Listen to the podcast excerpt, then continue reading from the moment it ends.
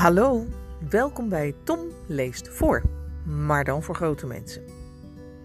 We kennen allemaal het verhaal van Tijl Uilenspiegel en dit is er ook een. Tijl Uilenspiegel en de gierige buurman. Uilenspiegel woonde eens, wat voor hem ongewoon was, rustig in een dorp. En daar had hij een buurman, die een echte vrek was. Die buurman had een varken geslacht en klaagde in vertrouwen tegen Tijl. Weet je wat zo jammer is? Ik heb telkens als de mensen hier in de buurt een varken hadden geslacht, van hen een vers stuk vlees gekregen. En nu moet ik eigenlijk voor mijn fatsoen ook al die mensen een stuk van mijn varken geven. Maar dat gaat me echt aan mijn hart. Dat zal me toch wel mijn halve varken kosten. Jij staat bekend als de slimme Tijl Uilenspiegel. Weet jij daar nou geen raad op? Oh, dat is makkelijk genoeg, zei Tel. Je laat je geslachte varken tot middernacht buiten hangen.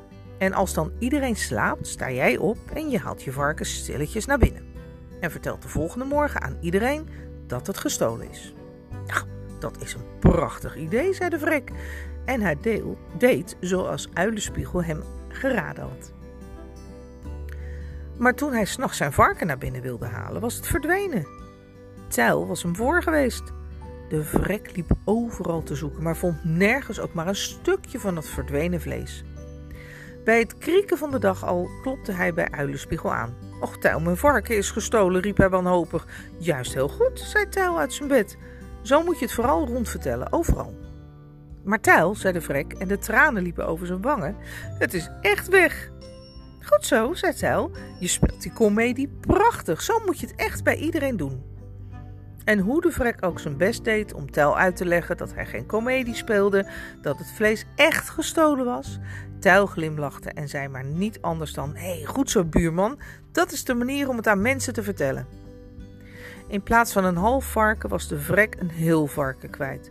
En toen naderhand Uilenspiegel de ware toedracht rondvertelde, had iedereen schik en vond dat de vrek zijn verdiende loon had gekregen. Tot de volgende keer.